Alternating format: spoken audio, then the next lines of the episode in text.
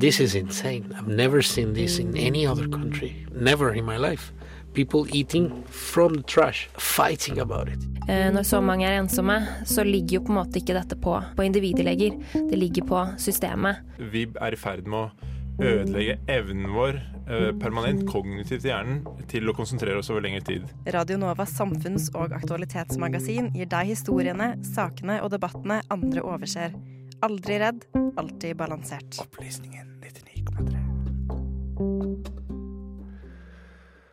Dårlig forvaltning av oljeinntekter, utbredt fattigdom og uroligheter har preget Sudan de siste årene. I flere tiår preget en blodig bor borgerkrig landet. Et land der nesten 15% av befolkningen i dag lever i ekstrem fattigdom.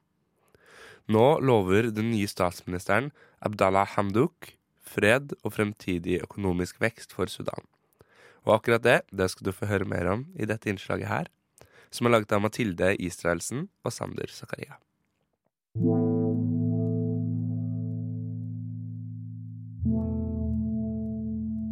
Forrige fredag ble Sudan ønska velkommen tilbake inn i Den afrikanske union etter en tre måneders lang suspensjon. Utestengelsen kom etter at flere titalls fredelige demonstranter ble drept i møte med militære styrker i juni. Protestene hadde da prega hovedstaden Khartoums gater helt siden desember 2018. I Sudan lever rundt 46% av befolkninga under den nasjonale fattigdomsgrensa, Økte priser på brød og andre basisvarer forverra dermed levestandarden for mange. Prisøkninga er et resultat av at statlige subsidier på hvete ble fjerna, i et forsøk på å forbedre landets vaklevorne økonomi. Den svake økonomien er delvis forårsaka av at Sudan mista tilgangen på store oljeressurser i 2011, da Sør-Sudan ble en selvstendig stat etter flere tiår med uroligheter og krig. De økte brødprisene resulterte i at stadig flere mennesker, ofte unge kvinner, tok til gatene for å protestere. Demonstrantene, som først tok til gatene i protest mot økte brødpriser, retta raskt sin misnøye mot mangeårig diktator Omar al-Bashir. Situasjonen nådde et høydepunkt da al-Bashir, som selv grep makta i et blodig kupp i 1989, ble avsatt av militære styrker i starten av april i år. Situasjonen forbedra seg imidlertid ikke, slik det blodige utfallet av protestene i juni viser. Demonstrasjonene fortsatte, og folket, som opprinnelig ønska at militæret skulle fjerne den tidligere presidenten, marsjerte nå i gatene med krav om at den demokratiske opposisjonsbevegelsen skulle ta over makta.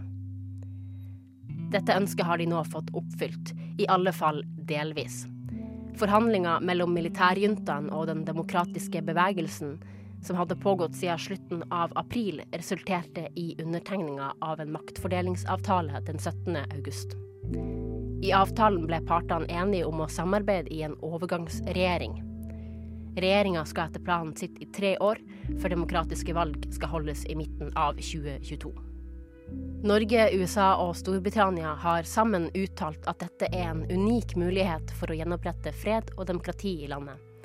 Egypt, Saudi-Arabia og De forente arabiske emiratene, som har støtta militærjuntaen i landet, ønsker imidlertid ikke utviklinga velkommen.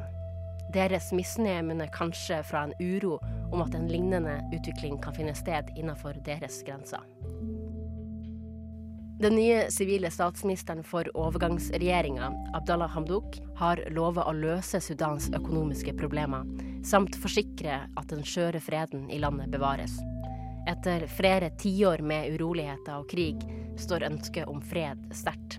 Om freden bevares i månedene som kommer, gjenstår å se. Du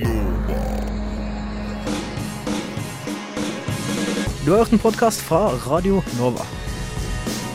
Likte du det du hørte? Du finner flere podkaster i iTunes og på våre hjemmesider radionova.no.